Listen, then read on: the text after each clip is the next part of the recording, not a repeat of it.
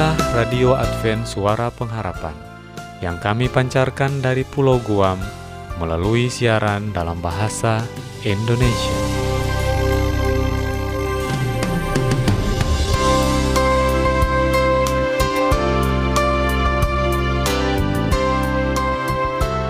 Salam sejahtera kepada saudara pendengar di mana pun Anda berada. Selamat berjumpa kembali dengan kami, Radio Advent Suara Pengharapan. Semoga dengan program acara yang telah kami sediakan dapat membawa berkat bagi keluarga Anda di mana pun Anda berada. Selamat mendengarkan dan semoga Tuhan memberkati.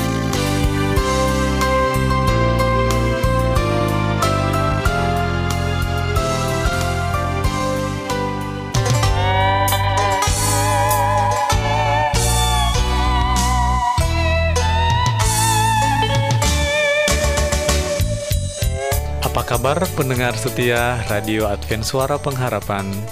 Lebih khususnya kami ingin mengucapkan kepada rekan-rekan remaja dan sahabat orang muda di mana pun Anda berada. Ruang remaja dan orang muda kembali kami hadirkan untuk Anda saat ini. Berbagai informasi dan permasalahan seputar remaja dan orang muda akan dikupas dalam acara ini. Tentunya, sebagai remaja dan sebagai orang muda, banyak sekali perubahan dan tantangan yang harus kita sikapi bersama. Dengan diasuh oleh Kak David Mamora sebagai seorang pendidik yang mengandalkan Tuhan, para remaja dan orang muda akan diajak untuk mau dibentuk menjadi manusia yang berkualitas sesuai kehendak Allah. Untuk itu, kami dari studio telah menyiapkan program yang spesial bagi Anda. Tetapi sebelumnya, marilah kita mengikuti lagu yang berikut ini. Kami dari studio mengucapkan Selamat mengikuti.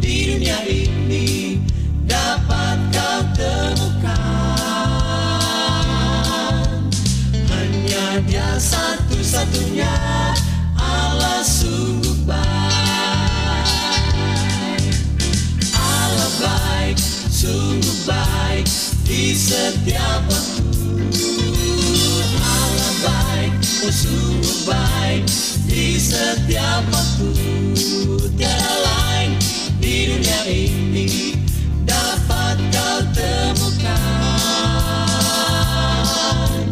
Hanya dia satu-satunya Allah sungguh Ku mengajak kau mengikuti dia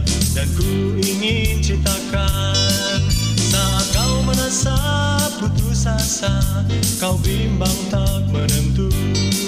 Walaupun badai menerpamu dia tak pernah tinggalkan. Janjinya pada kita sebab dia baik tiap waktu. Allah baik sungguh baik di setiap waktu. Allah baik, sungguh baik setiap waktu tiada lain di dunia ini dapat kau temukan. Hanya dia satu-satunya Allah sungguh baik. Oh, dia memanggilmu di tengah malam saat kau sedang bersedih Jangan risaukan hidupmu. Dia selalu besertamu Makananmu dicukupkan. Dia akan dengar doamu. Dia pimpin kau sekarang dan nanti Sebab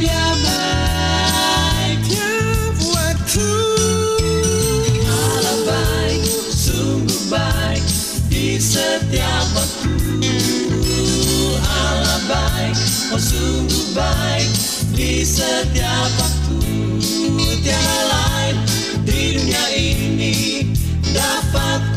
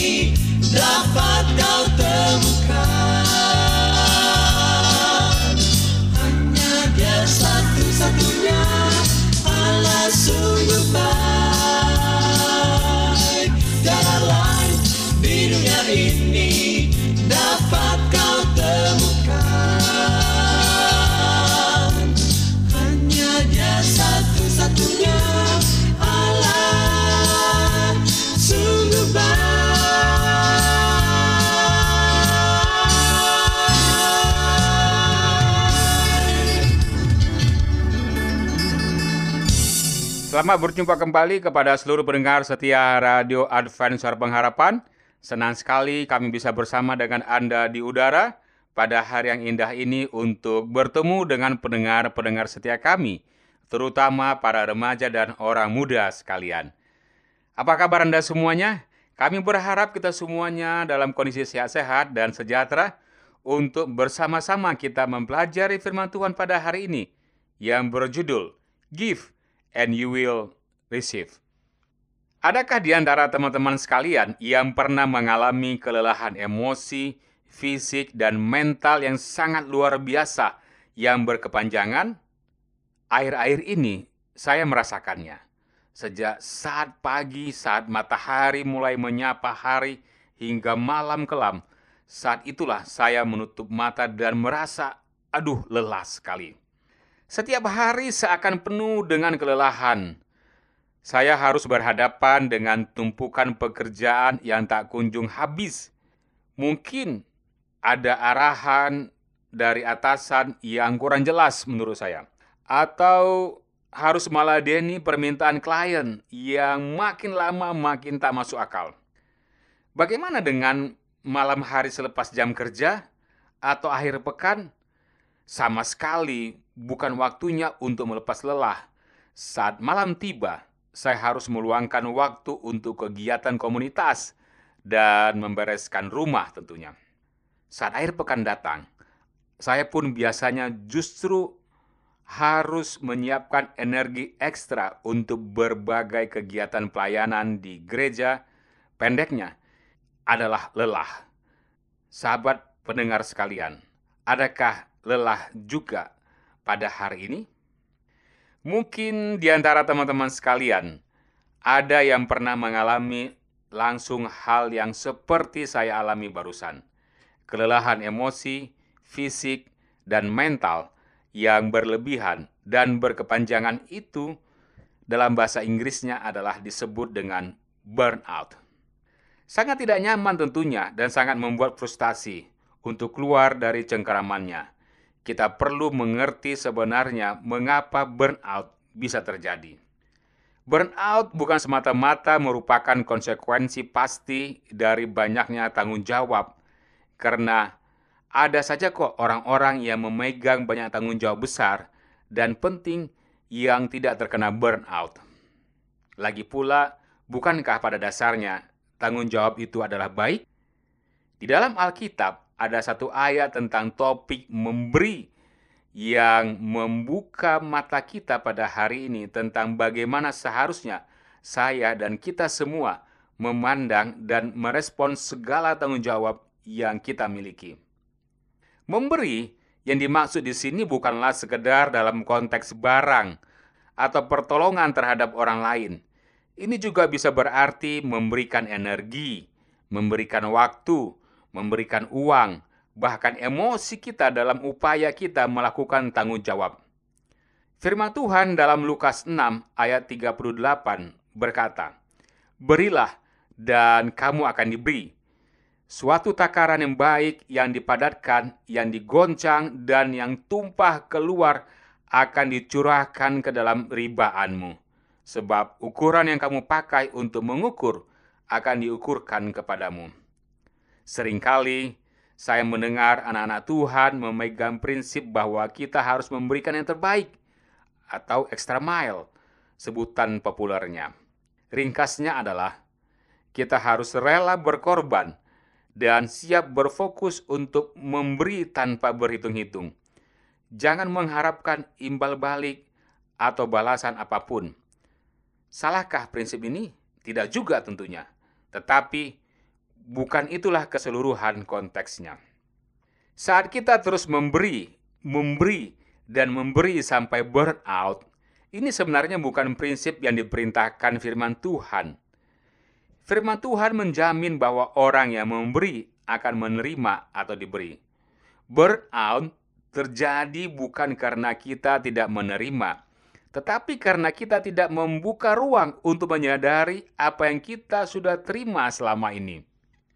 Saat kita melakukan banyak tugas hingga lembur berhari-hari demi melaksanakan tuntutan atasan di kantor, atau dosen di kampus, atau apa pun dari mana tugas yang kita terima, kita mungkin tidak sadar bahwa Tuhan sedang memberi kita kesempatan untuk menambah meningkatkan skill di bidang yang lain, seperti mengatur waktu dan prioritas dengan baik, bersikap lebih tegas dan berkata tidak atau yang lainnya. Mungkin skill tambahan itulah pemberian yang kita terima dari Tuhan. Saat hari-hari kita sedang penuh dengan jadwal dan rutinitas pelayanan, dan kita mau tak mau harus terus melakukannya tanpa berhitung-hitung, kita mungkin tidak sadar bahwa Tuhan sedang mengingatkan kita untuk kembali pada esensi pelayanan itu sendiri.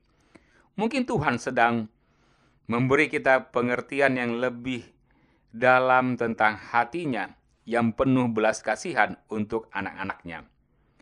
Saat kita sedang pusing karena kondisi keluarga di rumah yang bertengkar setiap hari, sambil tiap malam berdoa hingga air mata mengering dengan sendirinya, kita mungkin tidak sadar bahwa Tuhan sedang memberikan kekuatan ekstra dan kepastian hati ekstra bagi kita demi membentuk kita untuk menjadi teladan di rumah. Burnout sangat terkait dengan kesadaran dan sudut pandang pribadi akan kehidupan.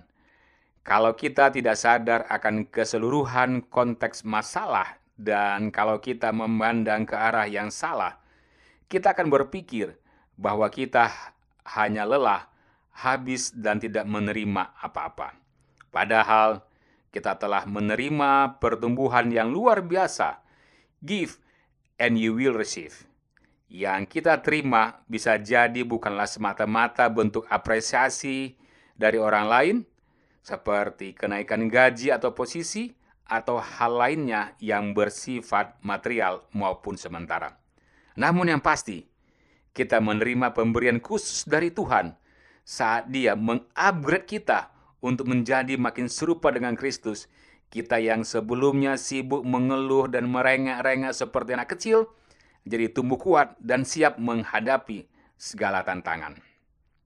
Dengan kesadaran ini, ketika kita memberi, kita tidak akan lagi merasa burnout. Kita jadi tahu bahwa dengan memberi, kita pun sedang menerima pertumbuhan. Fokusnya bukan terletak pada menerima, fokusnya tetap ada pada memberi.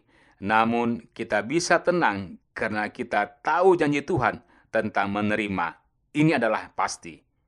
Give and you will receive. Demikian pelajaran kita pada hari ini. Terima kasih.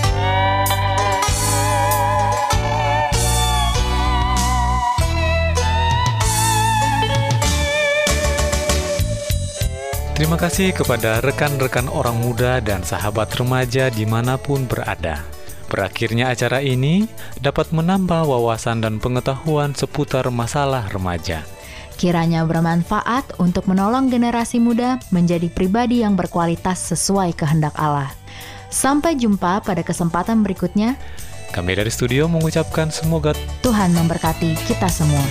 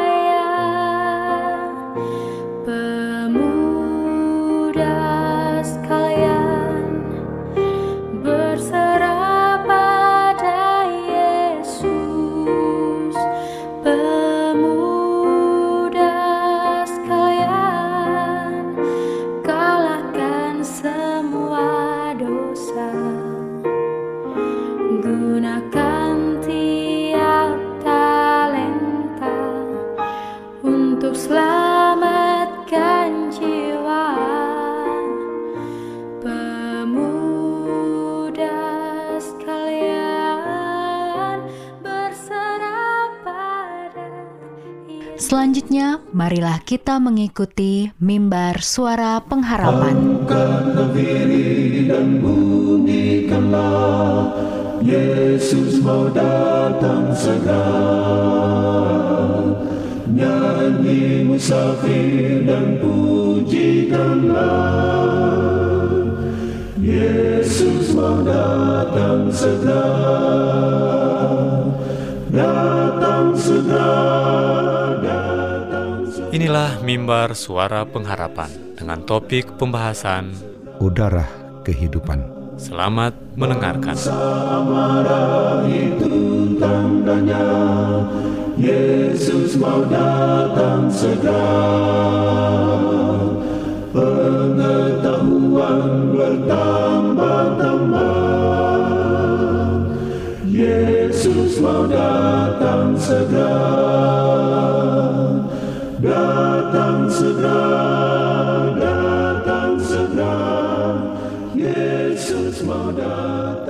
Salam saudaraku yang diberkati Tuhan, kita patut bersyukur saat ini kita diberikan kesempatan untuk mendengarkan firman Tuhan dalam kesibukan kita sehari-hari dalam acara Mimbar Suara Pengharapan bersama saya Pendeta Togar Simanjuntak dengan judul pembahasan kita Udara Kehidupan. Saudara, di mana pun Anda berada, dalam situasi apa pun, baik sehat, dalam kerja, dalam ruangan, udara terbuka, atau di mana pun saja posisi Anda, apa pun yang Anda lakukan, bahkan pada waktu Anda pun tidur, maka Anda pasti berada dalam lingkungan oksigen atau udara, ataupun ada angin. Itulah satu sumber kehidupan kita, oksigen yang Anda hirup merupakan suatu kekuatan yang dahsyat dalam tubuh kita untuk kita mendapatkan kehidupan.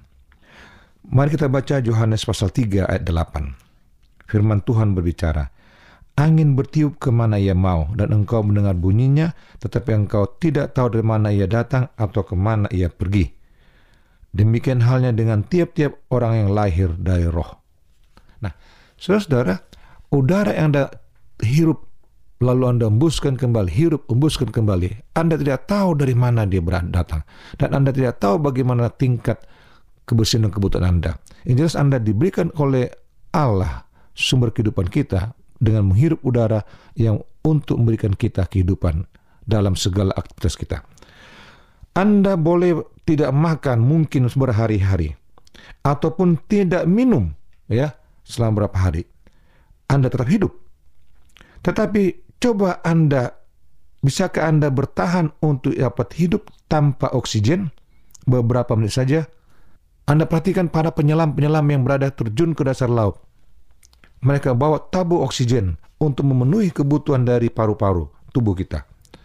Tapi kalau dia tanpa oksigen, tanpa tabung oksigen itu, paling dia berapa menit menyelam lalu naik lagi ke udara. Menyelam naik lagi ke udara. Nah, saudara-saudara, udara yang diberikan oleh Tuhan itu merupakan satu kekuatan kehidupan yang melengkapi energi kita dan sumber ya kebutuhan dari tiap-tiap sel tubuh Anda. Inilah elemen yang paling vital dalam udara adalah oksigen. Kalaupun misalnya Anda tidak makan, Anda masih dapat hidup. Ataupun Anda tidak minum, Anda masih dapat hidup.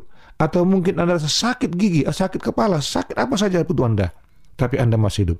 Tapi coba jika Anda tidak menghirup udara, berapa menit saja, maka Anda pun selesai dalam hidup ini. Nah, banyak orang sekarang kalau ada terjadi diri banyak didekap bahkan mulut dan lalu dia pun megap dan tidak bernapas, hanya pun mati. Orang juga keselak.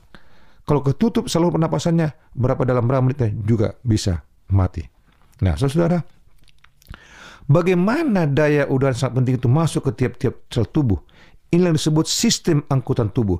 Sirkulasi darah bekerja sama. Jantung bersenandung mengirimkan darah kepada jalur-jalurnya, mengisi dengan sel-sel darah merah di mana hemoglobin mengambil oksigen di dalam paru-paru dan mengirimkannya juga ke tiap-tiap sel di dalam tubuh. Lalu, di situ terjadi perubahan dari udara bersih menjadi karbon dioksida dihasilkan oleh poros kehidupan normal dari sel-sel tubuh, sementara itu bagian darah membawa gizi-gizi makanan yang berguna untuk membekali tiap-tiap sel yang lapar. Hal ini mengingatkan kita ada kedua aspek penting dalam kehidupan kekristenan, yaitu Anda mempunyai persahabatan yang erat dengan Yesus, lalu Anda melakukan penginjilan kepada orang lain setelah Anda mendapatkan persahabatan dengan Yesus. Secara berkesinambungan kita menerima pemberian hidup dari Roh Kudus, yaitu kuasa yang menguatkan, dan secara konstan kita pun harus membagikannya kepada semua orang yang kita hubungi.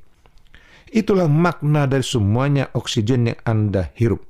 Persahabatan dengan Yesus melalui roh kudusnya itu Anda menerima oksigen itu. Menerima kehidupan itu, menerima kekuatan, menerima sumber-sumber berkat, dan menerima segala sesuatu yang Anda akan dapatkan. Lalu kuasanya, kasihnya, kegembiraannya, damai untuk kepentingan lebih efektif dan punya kita orang lain. Lalu kepada orang lain, Anda harus menjadi oksigen kehidupan.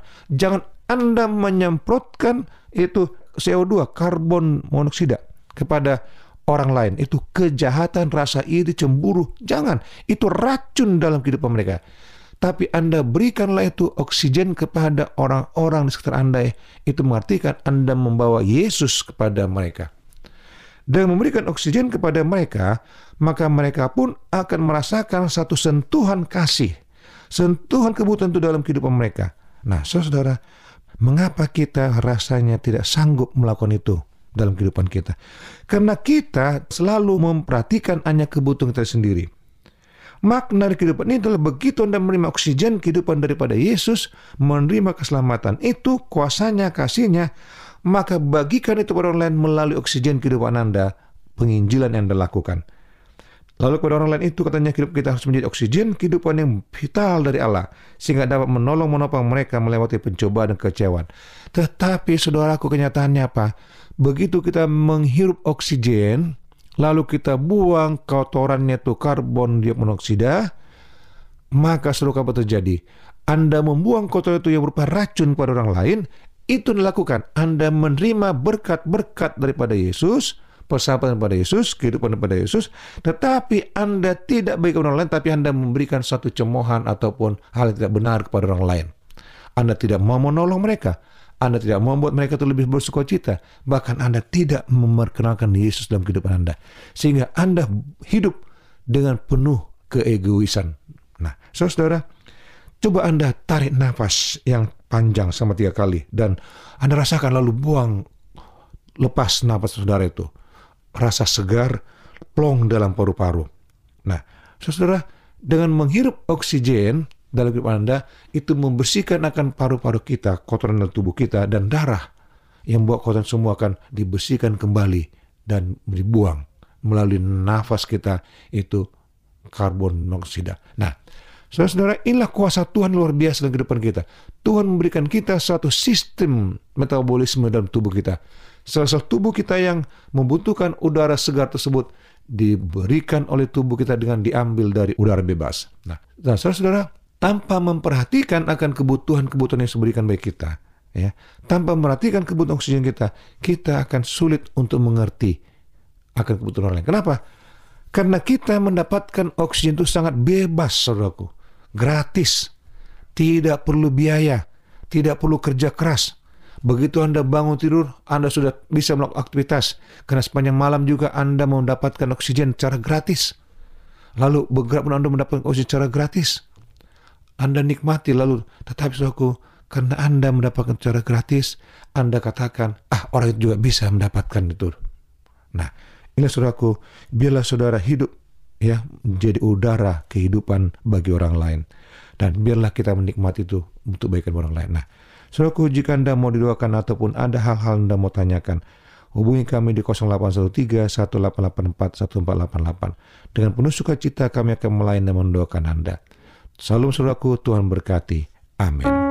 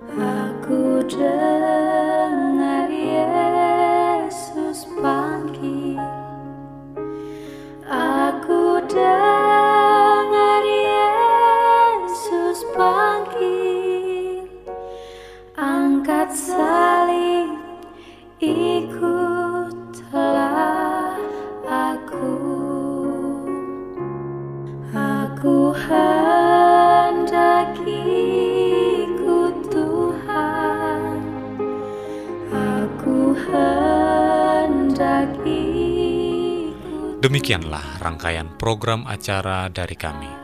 Apabila Anda mempunyai pertanyaan atau ingin mendapatkan seri pelajaran Alkitab Suara Nubuatan, Anda boleh menghubungi kami dengan mengirimkan surat ke Radio Advent Suara Pengharapan, PO Box 8090, Jakarta 12810, Indonesia. Telepon 0821 1061 1595. Alamat email awrindonesia@yahoo.co.id. Anda juga dapat bergabung di Facebook kami, pendengar radio Advent Suara Pengharapan, juga radio Advent Suara Pengharapan. Terima kasih kami ucapkan bagi Anda semua pendengar kami yang setia. Kita akan berjumpa kembali pada waktu dan gelombang yang sama esok hari. Salam kasih dan sejahtera. Tuhan memberkati. Aku hendak